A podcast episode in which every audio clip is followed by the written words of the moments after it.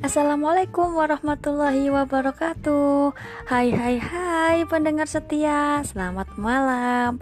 Apa kabarnya nih? Semoga baik-baik aja ya. Sehat walafiat dan yang pasti tetap semangat Untuk menjalani aktivitas kita di masa pandemi ini oke okay? Senang sekali rasanya Dita bisa kembali hadir menemani pendengar setia semua di program acara Carlota Malam yang sangat kita sayangi. Aisyah. Soal pendengar setia, seperti biasa selama 3 menit ke depan Dita akan menemani pendengar setia yang sekarang lagi gegana Waduh alias gelisah galau merana ya.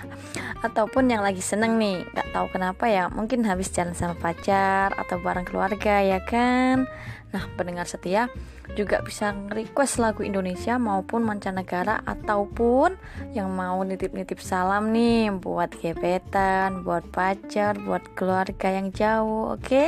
Pokoknya yang uh, pengen dikasih salam termanis deh. Oke, okay? buat pendengar setia yang mau bergabung langsung saja melalui via chat WA ke nomor 081168810133. Oke. Nah, pendengar setia, sebelumnya Dita mau ngucapin selamat malam buat kalian ya, masyarakat Kota Pasuruan. Dan buat kamu nih yang lagi nongkrong bareng teman, yang lagi lembur kerja, semangat ya. Atau lagi kumpul-kumpul bareng keluarga. Pokoknya Semangat buat kalian semua yang sedang mendengarkan radio frekuensi 101,3 Suara Pasuruan FM. Selamat malam, selamat mendengarkan.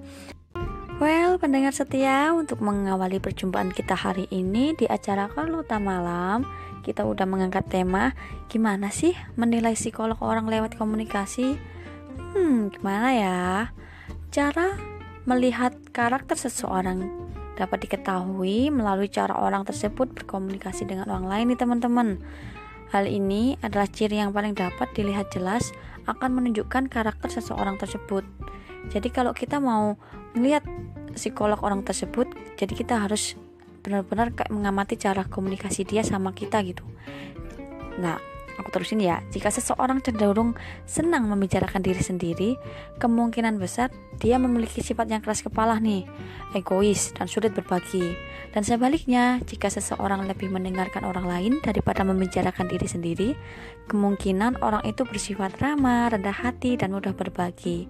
Jadi cara gampangnya gini, kalau kita mau nilai seseorang dari kayak psikolognya orang ini kayak gimana ya ajak dia berkomunikasi nih teman jadi kalau dia cari komunikasinya gimana sih oh ternyata dia kalau suka ngomongin diri sendiri ya berarti dia itu emang oh pasti nih orang keras kepala egois dan sulit berbagi gitu deh cara gampangnya kayak gitu oke okay? dan untuk mencairkan suasana setelah kita membahas ini Dita mau kasih sebuah lagu uh, cover dari Believer yang akan dibawakan Jifla. Selamat mendengarkan, stay tune terus ya teman-teman.